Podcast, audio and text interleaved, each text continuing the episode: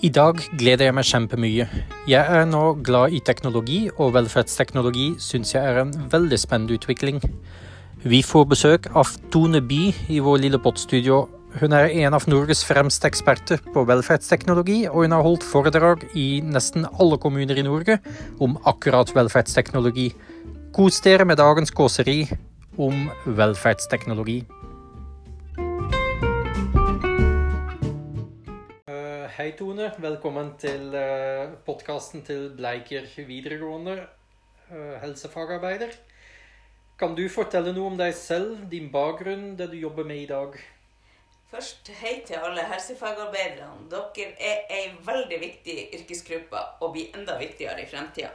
Uten dere så vil vi ikke klare helse- og omsorgsbyrden i fremtida. Det bør dere vite. Så dere tar en veldig viktig og samfunnsnyttig utdannelse. Eh, Når det gjelder meg sjøl, så er jeg sosionom. Og en sosionom er, og jobber ofte i Nav og i barnevern og i andre plasser i samfunnet. Jeg begynte å jobbe i Pensjonistforbundet for åtte år siden. Da begynte jeg som rådgiver på noe som heter sosialfaglig arbeid. Men eh, jeg er kreativ sjel, sånn at jeg jobber Lærte meg noe nytt og lager prosjekter og hadde nye ideer. Og de ideene har blitt leveveien min. Det viser bare egentlig at hvis du har vilje og litt lure tanker, så vet man aldri hvor man ender yrkesmessig. Eh, så det jeg jobber nå, med prosjekt med velferdsteknologi. Ja. Og, og eh, så Pensjonistforbundet det er en, en organisasjon som jobber for de eldre? Ja, for at de eldre skal få det bedre i samfunnet. Men vi jobber også for at de yrkesgruppene som jobber med eldre, skal ha bedre vilkår. Så vi engasjerer oss f.eks. i at fagarbeiderne bør få bedre lønn. De er veldig, veldig viktige, som jeg sier, og da må lønna bli litt bedre også. Ja. Eh, og når man har sett på hver eneste valgvake og hver eneste eh, valgperiode, så snakker det mye om helse, politikerne. De snakker om at vi må bygge flere sykehjemsplasser. Det er en sånn gjenganger. Eh, er det løsninger, så kan man bygge seg ut av eldrebølgen. Jeg har akkurat snakket med elevene i stad og vist dem litt grafikk som vi fant på Pensjonistforbundet sin side, om hvordan det utvikler seg fram mot 2060. Hvor mange eldre som kommer. Og er det da løsningen at vi bare skal bygge flere sykehjemsplasser? Nei, overhodet ikke. Vi må ha sykehjemsplasser. For de mest sårbare og de sykeste av de sykeste av oss er vi nødt til å ha sykehjemsplass. Vi blir aldri kvitt sykehjemsplassene. Men målet bør være å bygge færrest mulig sykehjemsplasser. Eh, Vi er nødt til å tenke helt annerledes. Vi må bygge gode lokalsamfunn. Vi må ha frivillighet. Vi må tenke at eldre skal en ha en viktig posisjon i um, samfunnet etter at de er blitt eldre. Men mest av alt så må vi bygge gode hjemmetjenester. Og det krever at vi har gode ansatte, at vi gir fagarbeiderne og sykepleierne god opplæring. Ikke nødvendigvis bare i utdannelse, men når de kommer i jobb òg. Vi må ta vare på de som skal jobbe i den tjenesten. Det blir ekstremt viktig. Hjemmetjenesten eh, skal jobbe med forebygging og sørge for at eldre har blitt friske. Hvis du som fagarbeider hadde jobba i hjemmetjenesten for noen år siden, så ble den viktigste jobben din å vaske, eh, gi folk mat, sørge for at de fikk medisiner. I dag er den viktigste jobben i hjemmetjenesten å rehabilitere de eldre, få de på beina igjen, sørge for at de lever et godt liv, kan bo hjemme og klare seg sjøl. I fremtidas hjemmetjeneste så blir det avgjørende at vi klarer at de eldre holder seg friske og bor hjemme. Dermed så blir fagarbeiderne den viktigste yrkesgruppa vi har i samfunnet. Vi får så mange eldre, og de er nødt til å holde seg friske. Vi ser av forskning og erfaring at hvis vi har gode fagansatte, så holder også de eldre seg friske. Vi må tenke eh, sykdomsforebyggelse, rehabilitering, altså trening og være en del av samfunnet. Og da tenker vi at de som jobber i tjenesten, også må jobbe på en helt annen måte. Det kan bli kjempespennende. Teknologien er blir en del av det, men ikke Ja, alt. for det du, det du sier nå, er egentlig at uh, kanskje den viktigste velferdsteknologien er selve helsefagarbeideren. helt klart Det, Det var en mann som sa til meg en gang Nei, han trengte ikke velferdsteknologi, for han hadde jo kona si. Det var egentlig ganske godt sagt. Eh, den viktigste velferdsteknologien i fremtida blir mennesker. Vi kommer til å mangle mennesker. Uansett hvor mye teknologi de eldre får i hjemmene sine, så blir vi å mangle mennesker. Og det som er så gøy, det er jo at de unge i dag de tar teknologien som en selvfølge, mens de eldre ikke kan slå på datamaskinen. Så den kompetansen du bare har ved å være ung og skal inn i tjenestene, er betydningsfull. For eh, det er noen som må betjene teknologien, for det klarer ikke de eldre. Mm. Og, og, da er vi litt inn på det som jeg også snakket om med elevene. Burde vi være redd at teknologien tar over jobben vår? Uh, og elevene satt og reflekterte litt rundt det i stad. Uh, vi hadde en liten undervisningsøkt før dette. Og da snakket de om at ja, men roboter har jo ikke empati. da snakket vi litt om artifisiell intelligens. Kan en robot oppdage hvordan et menneske føler seg, og kanskje agere etter det? og så snakket vi litt om at jo, men den omsorgen og de varme hender Eh, det kan ikke en robot gi. Hva, hva, tenker du? Er det, er det jeg tenker at uh, teknologien han blir aldri smartere enn, de, enn uh, menneskene egentlig seg sjøl. Mm. Og uh, vi kommer aldri til å kunne bytte mennesker med roboter.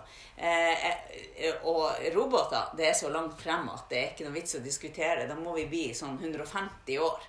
Det går veldig sakte, spesielt i det offentlige. Det er den ene sida. Og varme hender det er avhengig av kloke hoder. Mm. Gode fagarbeidere med, med, god empati. Det viktigste du kan ha som fagarbeider, det er god empati og et kjærlig blikk til å se mennesker og bry deg om mennesker. Mm. Hvis du gjør det, så er du kommet langt. Eh, teknologien skal hjelpe deg som ansatt og hjelpe de eldre å ha det tryggere. Den skal aldri bli istedenfor. Vi kan aldri bytte teknologien med de ansatte. Men vi kommer til å mangle ansatte i fremtida. Eh, bare om noen få år blir vi å mangle helsefagarbeidere. Og da er vi nødt til å jobbe på nye måter, lurere måter. Men jeg tror det kan bli artigere å jobbe i feltet. Det er, når jeg gikk på sosionomstudiet, så var det ingen som skulle jobbe med eldre. Og sånn er det med helsefagarbeiderne. Det er ikke noe kult å jobbe med eldre. Men vi vet av erfaring at de fleste sosionomer, de fleste helsefagarbeidere, blir å jobbe med eldre. Og da må man sørge for at de har en morsom jobb som gjør at de kan lære noe nytt og utvikle seg, bruke kreativiteten sin. Og så sørger vi for at de blir værende. Ja, det tenker jeg overalt. Uansett i hvilket omsorgsyrke du kommer, så har du en største del av pasientene er jo eldre. Det er jo de som blir syke. Det er ikke de unge som blir så veldig syke. Uh, det er fåtall av dem. Um, når vi tenker da på uh, de eldre altså Du møter mange eldre når du gir foredrag. Mm. Uh, hvordan, hvordan, stiller de eldre seg egentlig til ny teknologi? Er de positive? Er de redde? Syns de det er skummelt? Eller nysgjerrig? vi har litt lett å tenke at eldre er lik. At man, jo eldre man blir, jo likere blir man. Men det stemmer ikke. De eldre er akkurat like forskjellige som en 18-åring, en 20-åring og en 30-åring. De har forskjellige interesser og har forskjellig kunnskap med seg. Jeg møter eldre som har mye bedre peiling på teknologien jeg har, og som kan lære meg noe. Så møter jeg de eldre som er redd for teknologien og så møter jeg de eldre som eh, er nysgjerrig og tenker at det her er spennende. Eh, mange eldre er redd, men det er fordi at det er så mange myter om teknologien, som at robotene skal overta, at ikke de får mennesker hjem, at de blir ensomme og alene. Og det her er veldig feil. Så min viktigste oppgave når jeg er ute og holder kurs og foredrag, det er å lære både de ansatte og de eldre at den der holdninga er helt feil teknologien skal gjøre det tryggere og sikrere å bo hjemme, og er alltid i tillegg til de ansatte. Men når du, når du tenker på at de, de skal bo hjemme eh, Mange bor i altså, Det er noen som bor i fine, nye seniorleiligheter og sånn, og så er det en del som bor i litt eldre hjem. Eh, er det sånn at man burde bygge opp hjem med velferdsteknologi fra bunnen av? Eller er det mye teknologi som man kan putte inn i et hus som allerede eksisterer. Det fins masse teknologi som kan bygges i hus som allerede eksisterer. Det kan jeg komme tilbake litt til. Men vi må først spørre hva er et hjem? For vi har så lett å tenke at det huset vi har bygd, bodd bodd i 30-40 år, det er der vi skal bo og bli gammel. Men det er kanskje ikke så klokt. Kanskje det er lurt å selge den treetasjes eneboligen du har, med ei leilighet, og bytte det med ei leilighet som er lettstelt, hvis det er eh, funksjonelt for deg. Um, hvis du ikke vil det, så fins det teknologi. Det fins trappeassistenter som kan hjelpe deg å gå i trapper. Det fins smarte lys som slår seg på når du går inn i et rom, av når du går ut. Det fins sensorer som vil varsle om du får epilepsianfall, eller om du detter, eller om uh, Ja, uansett hva som skjer deg, så fins det hjelpemidler hjemme. Uh, både smarthusteknologi og andre ting. Det fins teknologi for alle behov. for alt du kan tenke deg, og alt du ikke kan tenke deg. Men det viktigste vi kan gjøre, det er å informere de eldre om de lure valgene, så de er bevisst på de valgene. Kanskje vi er 54 år, kanskje jeg allerede burde ha tatt det lure valget om å selge eneboligen min hvis jeg ikke kan bli gammel igjen. Eh, fordi at det handler om forebygging. Og de lure tingene det gjør du før du begynner å bli gammel og dårlig. Mm. Så det er en veldig stor informasjonsoppgave for fagarbeiderne. Det er oss, når du kommer inn i en bolig og tenker risikorydding. Er det klokt her? Er det for mye matte det går an til å snuble i? Eh, er det noen grep som kan gjøres i dette huset? Så det skal jeg ønske at kommer på opplæringsplan, det som heter risikorydding. For de fleste husene, 80% av de eldre, har utrygge hus. Ja. Og vi, vi, skal eh, nå på fredag skal vi faktisk ha litt rundt hjemmeulykker og fallforebygging. Eh, hvor, hvorfor er det så viktig for eldre, det med fallforebygging? Vi har 10 000 fall i året. 10 000 eldre som brekker lårhalsen. Og hvert av de 10 000 lårhalsbruddene koster 1 million. Og for samfunnet, så det er dyrt for samfunnet, men for den eldre så er det krevende å bli frisk igjen. Veldig krevende. Jo eldre du blir, med lårhalsbrudd, jo mer krevende er det å bli frisk igjen. Eh, derfor er det så viktig å tenke fallforebygging. Harstad er en kommune i Norge som har vært veldig god på det å tenke både ute, i lokalsamfunnet, i byen og i hjemmene til folk. Og de har redusert fallene masse. Så det er masse små grep du kan gjøre. Ved å fjerne matte, fjerne mange av de tingene som du har i huset som står i veien. La sklisikring i trappa trappa, gelender på begge sidene i trappa. Eh, bedre lysforhold. De fleste eldre har det altfor mørkt hjemme. Det er sånne enkle grep som eldre kan ta sjøl. Velferdsteknologien, eh, det skal være behovsstyrt. Altså, Da skal du ha behov for det. Hvis du har brukket mm. lårhalsen, hva trenger du for å komme deg på beina igjen? Men det er så mye du kan gjøre i samarbeid med de ansatte i hjemmetjenesten eh, og andre etater, frivilligheter, eh, som kan skje i huset ditt før du kommer så langt at noe har skjedd. Ja, for jeg tenker at teknologi er én ting, men viktig her er at jeg bruker fokus, ikke fokus på teknologi. For det finnes jo et hav av ting du kan putte inn i et hus. Men hva er det man trenger? Hva er det som passer? Og hva er det brukerne klarer å betjene, ikke minst? Eh, og jeg tror at det er der uh, helsefagarbeideren kommer inn? Veldig.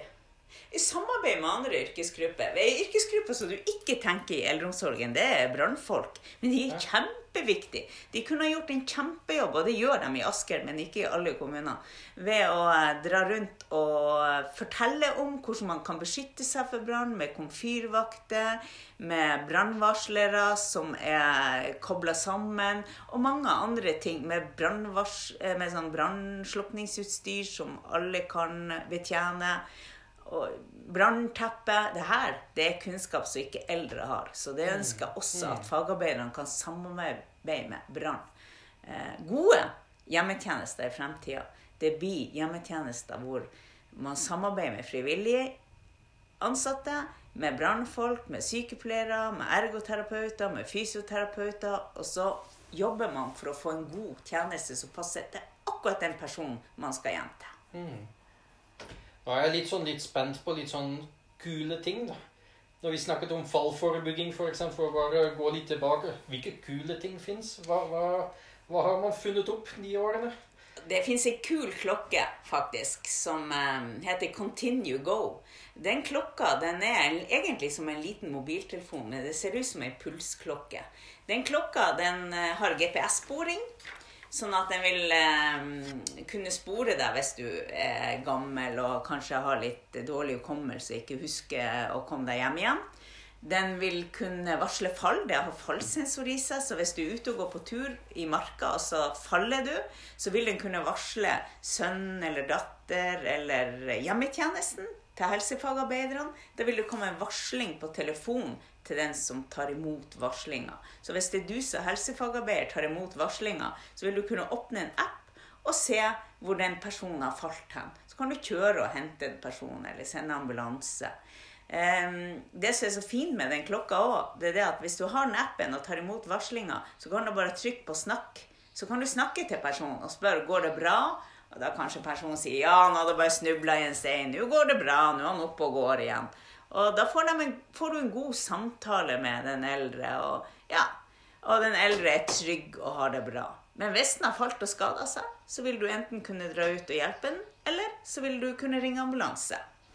Ja, det fins masse gode hjelpemidler for ute. Men, men det med GPS-merking, det, det, har vært litt sånn omdiskutert um, ved brukere med demens. Uh, hva tenker du? Er det etisk riktig? Tenk at du selv eh, kommer i situasjonen hvor du får Alzheimer og begynner å bli glemsk. Hadde du ønsket å bli GPS-merket? Eh, uten tvil. Fordi jeg tenker som så at da hadde jeg to valg. Enten så ble jeg låst inne hjemme, og det vet vi jo nå under korona hvordan det er. Mm. Eh, eller så ble jeg låst inne på sykehjem. Eh, alle dørene på sykehjem i dag eh, hvor de ikke har GPS-klokke, er låst hvor de eldre blir sperra inne, kanskje i stua og kjøkkenet på sykehjemmet, fordi at hvis de går seg bort, så er de i fare for seg sjøl. Og kanskje de ikke klarer å gå i trapper på sykehjemmet, sånn at de vil skade seg sjøl hvis de går ut. Da er det mye bedre å få ei GPS-klokke. Og så legger man inn et gjerde eh, hvor det, det, er sånn geofence. hvor de, Hvis de eldre går utafor det gjerdet, så vil det varsle til hjemmetjenesten du, eller til de ansatte på sykehjemmet at nå må de hente hun Klara, for nå har hun gått seg bort og gått på tur igjen.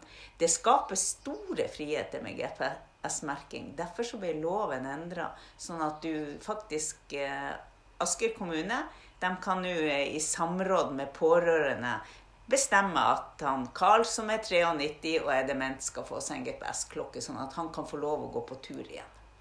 Men det er ikke løsninga på alt. Hvis sykehjemmet er at vi er 18, og du kan gå på veien og bli påkjørt og drept, så er det kanskje ikke så lurt med GPS-sporing.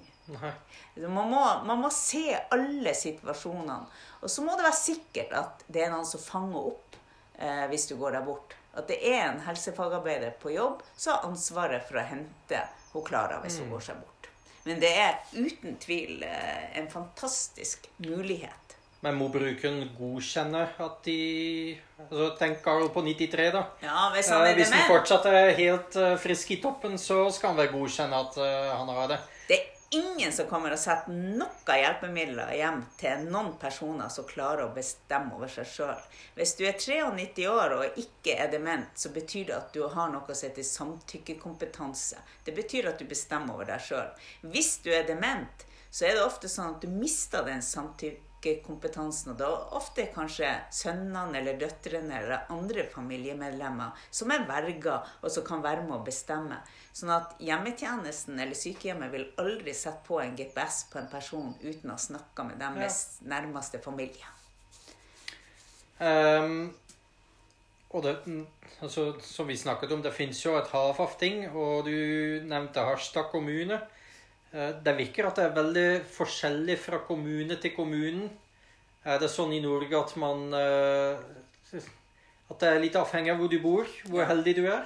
Det er kjempetrist, men det stemmer. Det er mange ting som avhenger av hvordan du får den hjelpa du har, men mest av alt så er det økonomien til kommunene. Og det er sånn at små kommuner i distriktene de har ofte veldig dårlig økonomi, og de har kanskje ikke så mange ansatte som klarer å jobbe med det her. Så dermed så har de verken teknologien eller kompetansen eller nok ansatte til å utvikle gode hjemmetjenester hvor de ansatte får jobbe annerledes. Mm. Så de gjør ting som de alltid har gjort. Det blir veldig store forskjeller, ser vi nå. Det er ca. 150 kommuner i Norge som har velferdsteknologi som en del av tjenestene til de eldre i kommunene. Eh, og så er det ca. 300 kommuner som har et eller annet teknologi. Så de fleste har prøvd, men det betyr ikke at det er bra for de eldre å bo i de kommunene allikevel. For teknologien er bare en bitte liten del av det. Det viktigste er mennesker og ledelse. Mm. Alle avhengig av gode ledere. Men i helsetjenestene så er det avgjørende for at brukerne skal få det godt. Ikke bare at de ansatte skal ha det bra. Men hvis, eh, hvis kommunene eh, Altså, de, de, vet at det kommer en eldrebølge. Eh, de vet også at sykehjemsplasser koster mye.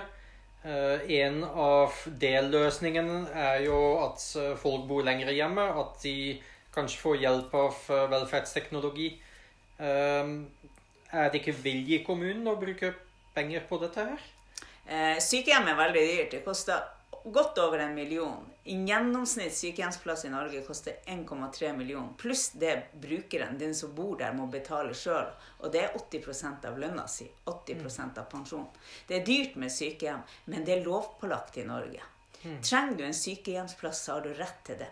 Ingenting av de andre tingene som skjer i kommunen, er lovpålagt. Så det betyr at kommunene eh, må bygge opp helse- og omsorgstjenester som er gode. Eh, og de må ha politisk vilje, de må ha en god ledelse, og de må ha ansatte som er villige til å jobbe fornuftig og annerledes, så alle eldre får hjelp. Men på lang sikt så lønner det seg med gode tjenester. For vi ser jo at eldre som får den rette hjelpa med teknologi og trening og gode møteplasser, og at de kanskje kan bli fagarbeiderne har mulighet til å hente dem og kjøre dem på frivillighetssentralen og på aktivitetssenter og sånn. De kommunene de sparer penger på sikt. Det er utvilsomt mye billigere å gjøre de her lure tingene, som også gjør at de ansatte har mye artigere jobb. Mm. Og mange av våre uh, elever kommer til å uh, jobbe i eldreomsorg, men det er også en del som kanskje kommer til å jobbe med psykisk utviklingshemmede. Eh, det kan være at de jobber med yngre brukere. Eh, er velferdsteknologi kun noe for de gamle, eller er det også til bruk for eh, yngre grupper eller psykisk utviklingshemmede? Jeg jobber jo med eldre, så jeg snakker jo bare om eldre, men det er jo like viktig til funksjonshemma barn, psykisk utviklingshemma, til og med i barnehager kan man bruke mm. velferdsteknologi. Bare det et barn som har epilepsi, hvis du har eh, epilepsivarsler på handa eller kanskje en sensor på veggen, så vil det varsle epileptiske anfall, og ungen vil få hjelp. Barn med diabetes eh, Hvis de har eh, en liten plasterlapp på armen, så kan foreldrene få varsel, varsel hjemme på sin telefon om blodsukkeret blir for lavt. Så det fins masse teknologi som er kjempefornuftig å bruke, også for unge. Eh, hvis du er barn og er psykisk utviklingshemma, så kanskje teknologien og den lille iPaden vi alle er så vant til, gjør at du kan kommunisere med samfunnet med bilder, mm. med andre systemer. Vi ser at det er kjempelurt. Det er kanskje enda viktigere hos unge enn det hos eldre. For at de skal få en mulighet i samfunnet. Og så gjør det jobben ganske mye mer spennende.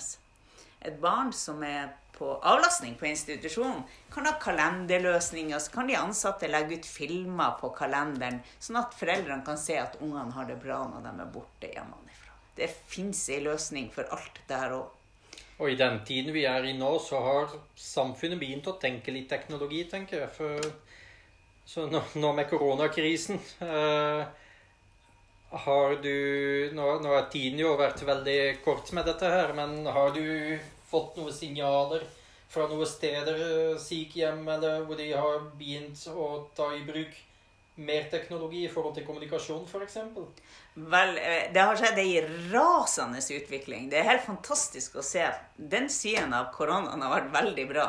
For vi ser at alle snur seg rundt og bruker nettbrett, så de eldre kan få snakke med sine familiemedlemmer. og eh, ja, det er kjempebra, men det er et stort men oppi det her. Fordi at den teknologien som er nå, det gjør at du er avhengig av andre.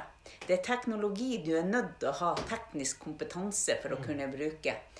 Eh, så koronaen og den tida vi er i nå, må lære oss at vi er nødt til å ta i bruk teknologi som ikke er avhengig av at du må sitte sammen med et menneske. Det finnes Skype-løsninger for folk som er ikke analoge. Det er sjokkerende for skoleelevene, men det er faktisk 400 000 eldre som ikke kan bruke en smarttelefon.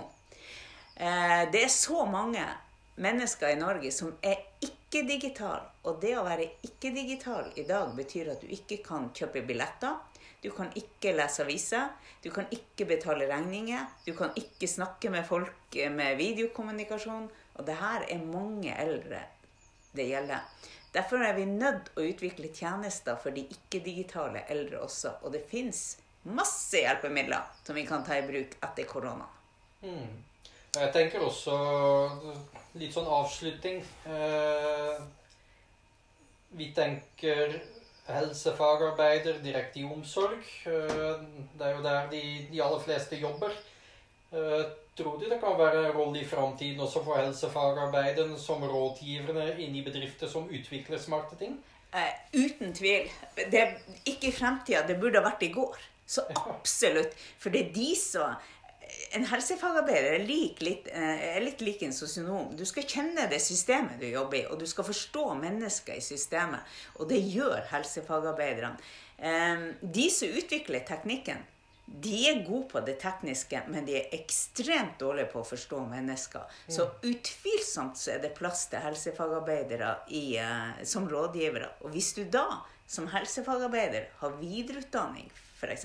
på velferdsteknologi, så vil du være garantert godt betalte og spennende jobber i fremtida. Mm. På andre områder enn man over, kanskje ikke engang vet om i dag, som vil eksistere i fremtida. Eh, veldig mange av de firmaene som begynte å utvikle nye teknologiredskaper som skal inn i tjenestene, har nå begynt å ta i bruk helsefagarbeidere. I Stavanger f.eks. så ser vi at eldre og helsefagarbeidere og ingeniørene og utviklerne jobber i lag for å utvikle lure ting. Eh, for problemet i dag er at veldig mye av det som er utvikla, er helt ubrukelig. For de har glemt å spore de ansatte og de eldre som skal bruke det. Mm. Og da er vi tilbake til utgangspunktet hvor vi sa at uh, det er brukeren som skal være i sentrum. Ja. Det hjelper ikke å utvikle kjempekule ting som en ingeniør kan bruke, når ikke brukeren kan bruke det. Og det, når det ikke er nødvendig. Ja, og det skjer mye av det i dag. Helsefagarbeiderne, det er ikke bare noe jeg sier. Det her er noe som alle organisasjonene og hele samfunnet vet. At vi kommer til å bli kjempeavhengig av å ha gode helsefagarbeidere i fremtida. I veldig mange yrkesgrupper. Det kommer til å bli en viktig utdannelse. Og dere bør være stolte av dere sjøl at dere har valgt den utdannelsen. Den eh, blir viktig, men det blir òg viktig at den dagen dere står og skal ut i, og gå ut i jobb, at dere får gode ledere og gode folk som følger dere opp og lærer dere nye ting. Det blir mye viktigere med en godt opplært helsefagarbeidere eller nok sykepleiere. Mm. Garantert. Og det sier jeg til han Gjelrik, selv om han er sykepleier. Og det er sant. Um, vi burde òg ansette mye flere helsefagarbeidere rundt omkring i andre steder i samfunnet enn bare med eldre og med barn med spesielle behov. Mm.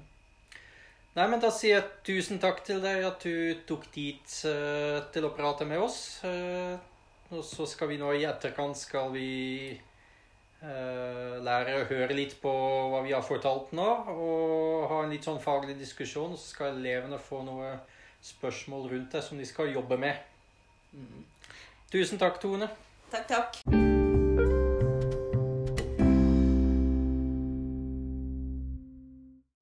Ja, Hallo, alle sammen. Da er vi alle tre her igjen, da. Eh, og nå har dere hørt på et eh, intervju med en av Norges eh, fremste på velferdsteknologi. Og hun har vært så heldig at hun har vært rundt omkring i hele Norge og snakket varmt om akkurat dette temaet. Som Tone starter denne podkasten med, har jeg, i forhold til det med helsefagarbeidere Jeg, jeg kjenner at inni meg så ble jeg, jeg ble varm om hjertet, hvis man kan si det, for hun snakker utrolig varmt om dere, faktisk dere elever. Mm. Snakker du som helse, at dere skal bli helsefagarbeidere, og hvor viktig yrkesgruppe det er, og hvor viktig dere er i samfunnet. Og jeg kjenner at jeg, jeg blir, blir stolt av hvor mye fint hun har å si om dere, og hvor viktig dere er. Og meg overrasket det, for jeg, jeg startet uh, Altså, jeg gikk inn til henne for å ha intervju. Og var klar for å snakke om teknologi i en halvtime. Og så ble det bang bare om helsefagarbeider og hvor viktig dere var, og hvor viktig dere er i en sentral rolle i forhold til teknologien. Ja. Det er liksom ikke teknologien som er viktigst, det er brukeren, og det er helsefagarbeideren, og uten den så funker ikke teknologien.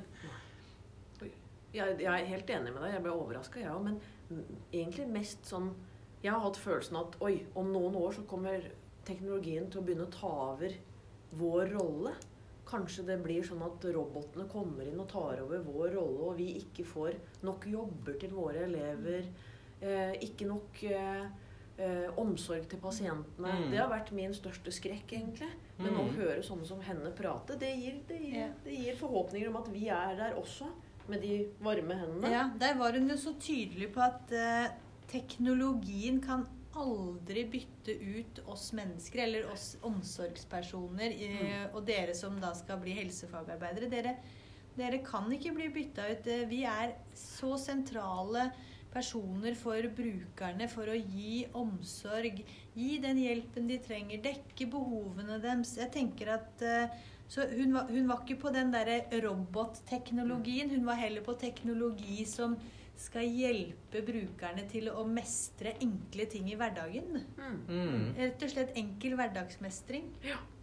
Og hun sa til meg også om at det finnes et hav av teknologier som er blitt utviklet. Mm. Og, og utvikling av teknologi, det er jo ingeniører som gjør. Men de har ikke den kunnskapen som vi har om brukerne. De har ikke vært i fagfeltet på den samme måte som oss. Eh, og det gjør at de utvikler mye som er ubrukelig også. Og det er egentlig vår store oppgave å oppdage hva som er brukbar, og hva som ikke er brukbar. Hva, hva kan vi skreddersy for hver enkelt bruker? Mm. Og her er jo vi helsefagarbeidere viktige i forhold til den teknologien. For vi, det er vi som er sammen med brukeren, og det er vi som kan se hvilke teknologi og hvilke hjelpemidler som funker for hver enkelt bruker. Da. Og hva Mhm. som på en måte er enkelt å bruke, og hva som kanskje ikke er så enkelt for brukeren. Ikke sant? At man velger de, de riktige eh, teknologi og hjelpemidler. Og det sa hun jo også noe om at den generasjonen Mm.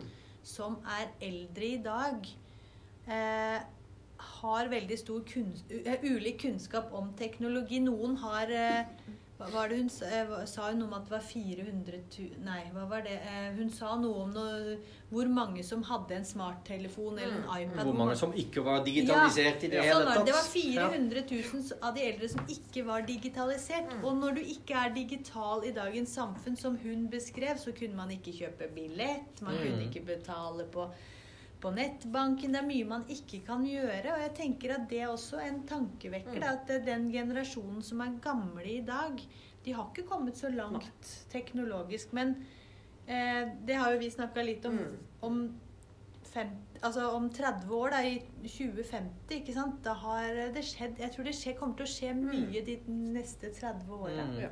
Og de som er yngre enn oss, de er jo mye mer opplært i det digitale. Dere kan mye mer om hjelpemidler. Dere er mye mer positive til hjelpemidler og Mm. velferdsteknologi enn veldig mange, kanskje eldre, er, da. Ja. Så jeg tenker den teknologien nå kommer til å utvikle seg med oss som er yngre. Mm. Det kommer til å bli smartere løsninger for at vi skal slippe å ha syke på sykehjem eller sykehus. Vi snakka om sykehusinnleggelser ikke sant? i forrige Ja. oppgave dere hadde hjemme. Hvorfor slipper man å ha så mange på sykehus? Det er fordi teknologien blir så bra at du kan leve lenger og være friskere i ditt eget hjem. Mm. Og unngå skader også. Hjemmeulykker, f.eks.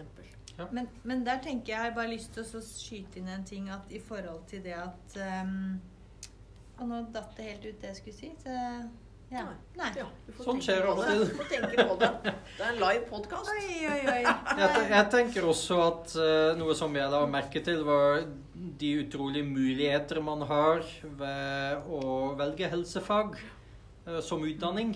Uh, og det er noe som vi også har kjent på selv.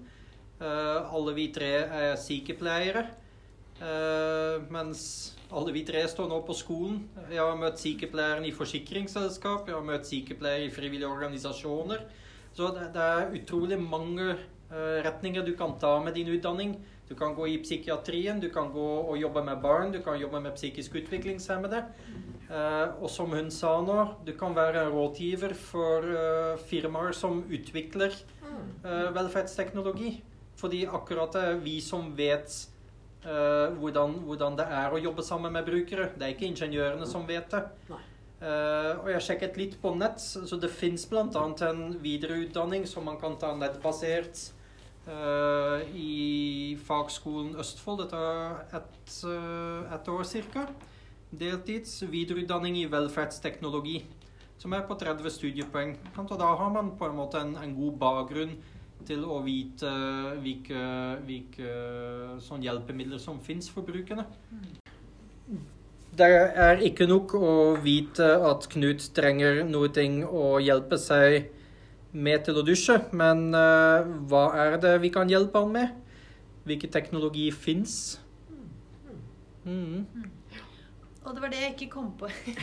Når jeg fikk litt sånn jernteppe i stad, så det datt ut det jeg skulle si. Men det som kanskje også er viktig her, er jo, som Gjellik sier, altså ta Vise litt interesse for den nye teknologien. Altså det har mye å si for når man jobber Jobber som helsefagarbeider, så må man også være tørre å prøve nye, ny teknologi og tørre å sette seg inn i ny teknologi og prøve å feile litt. For at det, å finne et hjelpemiddel som passer til en bruker med en gang, det er ikke alltid like lett. Så man må liksom prøve å feile litt. Men det handler også om at vi som helsefagarbeidere må tørre å feile litt, og tørre å prøve å trykke på ting. Og tørre å være sammen med brukeren og, og utfordre disse, den nye teknologien.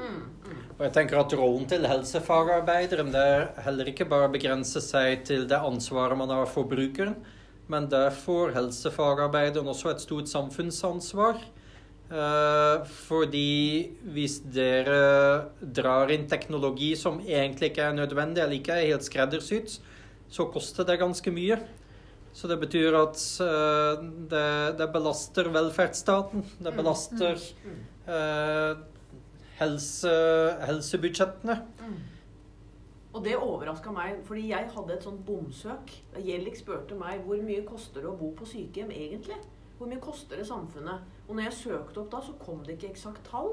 Og da sto det 300 000-400 000 et eller annet sted. Og da har jo ikke jeg gått inn for å lese ordentlig hva, hva det var, da. Og så sier jo hun damen her at det er over million. 1,3 million. 1,3 millioner for å ha én pasient på, eller bruker på sykehjem. Ja, men det er det samfunnet spytter inn. Men da må vi huske på at eh, brukeren selv betaler åt, altså 80 av pensjonen til den som bor på sykehjem, går til staten for at de skal finansiere denne sykehjemsplassen. Og det kan jo være velstående folk som kanskje har tjent mange millioner i året, men uansett så tar de 80% av pensjonen din. Da sitter du igjen med 20% Det er ikke mye penger igjen, men de får jo alt dekka. Men allikevel. Altså, så 1,3 millioner. Kan du Det koster mer enn det. Mm. Ja. Flere millioner koster det å ha en bruker på ikke sant? Som du skal, du skal tross alt drifte dette. Og tenk Mm. hvor mye vi sparer på å ha noen hjelpemidler hjemme, selv om det også koster kanskje mye. Men da er det ett sum som du har. Et verktøy som du kan ha hjemme, et hjelpemiddel du kan ha hjemme, som hjelper deg gjennom en, din hverdag. da. For at du skal slippe å ligge på sykehjem Mm. og være sammen med andre som er sykere enn deg, kanskje. Få enda dårligere livskvalitet. Bli flytta ut av hjemmet ditt. Det skjer noe med sykdommene du allerede har da. Mm. Så Og det er også noe i forhold til f.eks. fallforebygging. Mm. Så en, en hofteoperasjon, et hoftebrudd, koster gjennomsnittlig en million. Mm. Mm. Fordi altså Man må betale hofteprotesen som man setter inn, man må betale kirurgen og hele teamet rundt, rundt operasjonen. Uh, alt av utstyr. Så er det etterpå på post, så det er mange sykepleiere som er rundt deg. Og så er det rehabilitering. Ja. Uh, og så er det ikke minst de menneskelige lidelser, da. 25% av de som får hoftebrudd, dør uh, pga. komplikasjonene etter hoftebruddet. Eh, og da er kanskje det at dere er observant på at en bruker uh, har litt dårlig balanse, at det ligger tepper i huset, at det er ledningen kan snuble på, det kan faktisk spare samfunnet for fryktelig mye. Ja. Og brukeren og pårørende. Og det sa jo Tone også litt om at eh, når man blir eldre, så må man kanskje faktisk bytte bolig. Altså at eh, veldig mange blir for, for veldig sånn sterkt knytta til det huset jeg har bodd i hele livet, og jeg har bodd der med barn og kone og ba, ikke sant? Mm. Men at man kanskje en gang Altså når man blir eldre, så må man faktisk kanskje tenke litt annerledes og tenke at man skal bo et sted som er litt enklere eh, uten Altså at det er litt enklere å bo, da. Altså Mm, Ting gjør det mm. litt enklere. En- En mindre leilighet uten alle disse hindringene som kan Mm. gjøre at man, man faller og blir skadet. Man kan jo falle likevel, men allikevel hindre alle disse utrygge momentene da, Mm. i hverdagen. Fordi hun sa jo noe om at det var ca. 10 000 hvert år som får lårhalsbrudd, altså brekker lårhalsen. Og da kan vi igjen begynne å gange da, med at det koster over en million å ha disse. ikke sant? Så det blir Mm. Ikke at man skal snakke om penger hele tiden, men jeg tenker at man kan unngå en del ting, og at brukeren får en bedre livskvalitet da, for å unngå altså, alle disse skadene. Ja, og at man som helsefagarbeider kan være trygg på at når jeg forlater denne brukeren hjemme, så veit jeg det at med de hjelpemidlene hun eller han har hjemme, så kommer han til å klare seg fint. Mm. Ikke sant? Det også er jo en trygghet for oss også, som helsefagarbeidere, og pårørende. Ja. Og så er det jo eh, noen spørsmål vi ønsker vi, Noen spørsmål dere, eh, vi ønsker at dere skal tenke litt over og svare på. Hva skjer med vår rolle som helsefagarbeider i fremtiden? Hvis dere ser for dere 30 år frem i tid, hva blir vår rolle? Hvordan utvikler vår rolle seg? Mm. Og der kan dere bruke litt deres fantasi. Hvordan, hvordan eh, kommer du som helsefagarbeider til å være? Hvordan kommer deres hverdag til å være? Hvilke, hvilke hjelpemidler tror dere finnes, eller hva er dere blitt litt sånn erstatta med? Dere blir uansett ikke erstatta med det medmenneskelige, men dere kan bli erstatta med litt enkle ting. Da. Vi Mhm. ser jo allerede i dag at man har sånn dispenser for tabletter, man har klokke med GPS-sporing, ikke sant. Altså, men, men bruk fantasien litt. Litt Og der kan de være kanskje litt kreative også, så Ja. det er ikke sikkert at dere må skrive en sånn refleksjonsnotat. eh, Som dere har gjort på de andre podkastene. Kanskje dere kan skrive en historie? En arbeidshverdag i 2050 blir det. Veldig flott. Mm. En litt kreativ historie hadde vært fint. Ja. Mm, bruk fantasien. Mm. Men da takker vi for denne runden med podkast. Det gjør vi. Det gjør en fin dag. Mm. Ha en fin dag. Ha en fin dag.